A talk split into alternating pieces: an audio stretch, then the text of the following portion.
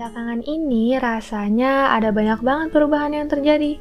Entah aku yang baru berjalan sambil mengerti, atau memang ada banyak hal baru yang dilewati.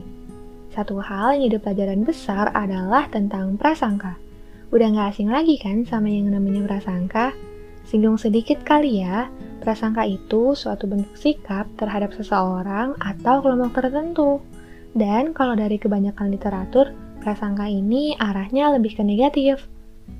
Aku pernah diskusi sama teman-teman soal hal ini, dan di sana mentor aku, halo Kak Ismah kalau ikutan dengar, beliau bilang kalau setiap dari kita harus punya seribu satu alasan, bahkan lebih dari itu. Untuk apa?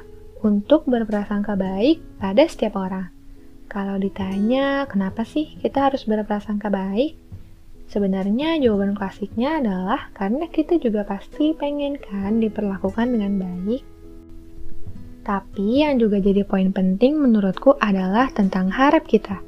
Harap kita terhadap perlakuan baik ini jangan kita bebankan pada orang yang kita prasangka, yaitu manusia. Karena kalau begitu, satu hal yang pasti terjadi adalah kecewa.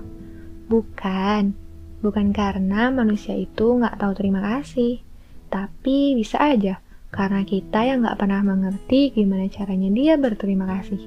Dan namanya juga manusia, manusia nggak akan mampu untuk memenuhi setiap ekspektasi yang ada. Manusia sangat berpotensi untuk mengecewakan. Maka harap itu sudah seharusnya kita layangkan pada sang pemilik hati.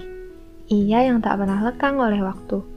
Entah kapan, siapa, dan di mana kebaikan itu berbalas, harap saja setiap langkah kita selalu diberikan yang terbaik dan selalu dalam penjagaannya. Ya, iya sih, susah pasti berprasangka baik. Namanya hal-hal yang baik, pasti selalu punya tantangan tersendiri. Tapi menurut aku, kita bisa kok coba. Coba mulai dari memahami bahwa dunia ini sangat luas. Memahami bahwa manusia itu rumit, dan setiap dari manusia punya keunikannya sendiri.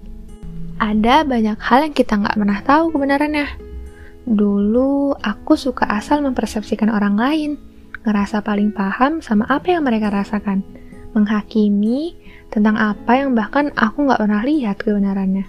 Setelah sadar sama apa yang dilakuin, rasanya mau ngilang dari bumi atau pindah ke Bekasi. Karena kalau kata anak Bekasi, bumi itu cuma mitos. Sungkem dulu nih sama anak Bekasi. Jadi, ada banyak banget hal yang sebenarnya kita nggak tahu apalagi berkaitan dengan proses mental yang sifatnya abstrak dan rasanya gak semua hal kan perlu kita katakan, cuma perlu dimengerti dan dimaklumi aja.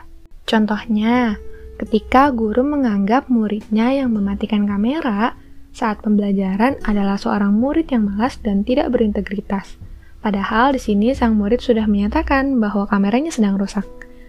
Dan lain dari itu, ada banyak banget keadaan orang lain yang gak pernah kita tahu. Apa kita tahu segala yang sudah diperjuangkan? Gimana kalau murid itu harus berjalan 5 km untuk mendapatkan sinyal? Gimana kalau murid itu harus mohon-mohon sama ibunya untuk melanjutkan sekolah karena ibunya berpikir sekolah itu nggak ada gunanya? Makanya dia sekolah diem-diem. Apa kita tahu gimana keadaan keluarganya di rumah? Kondusif atau enggak untuk mengikuti pembelajaran? Jangan-jangan di balik layarnya ada orang tuanya lagi bertengkar. Apa kita tahu kalau dia baru aja dipukuli ayahnya atau ibunya dan masih bertekad untuk mengikuti kelas hari itu sambil menangis? Makanya nggak nyalain kamera. Kenapa? Kenapa dari setiap banyak kemungkinan, dari setiap keadaan kita memilih yang buruk? Gimana kalau kata-kata yang sudah kita lontarkan membekas hingga ia mati? Sanggupkah kita menanggung pertanggungjawaban itu semua? Atau contoh lain, ketika ada seseorang yang gak merasa dicintai karena pasangannya atau sahabatnya gak pernah mengungkapkannya. Padahal sebenarnya pasangannya ini sayang, tapi dia bukan tipe orang yang bisa mengungkapkan. Atau kalau orang bilang sekarang sih gengsian.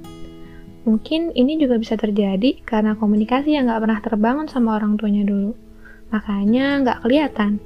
Tapi apa semua yang nggak kelihatan itu artinya nggak ada? Loh, Kok jadi analisis kasus?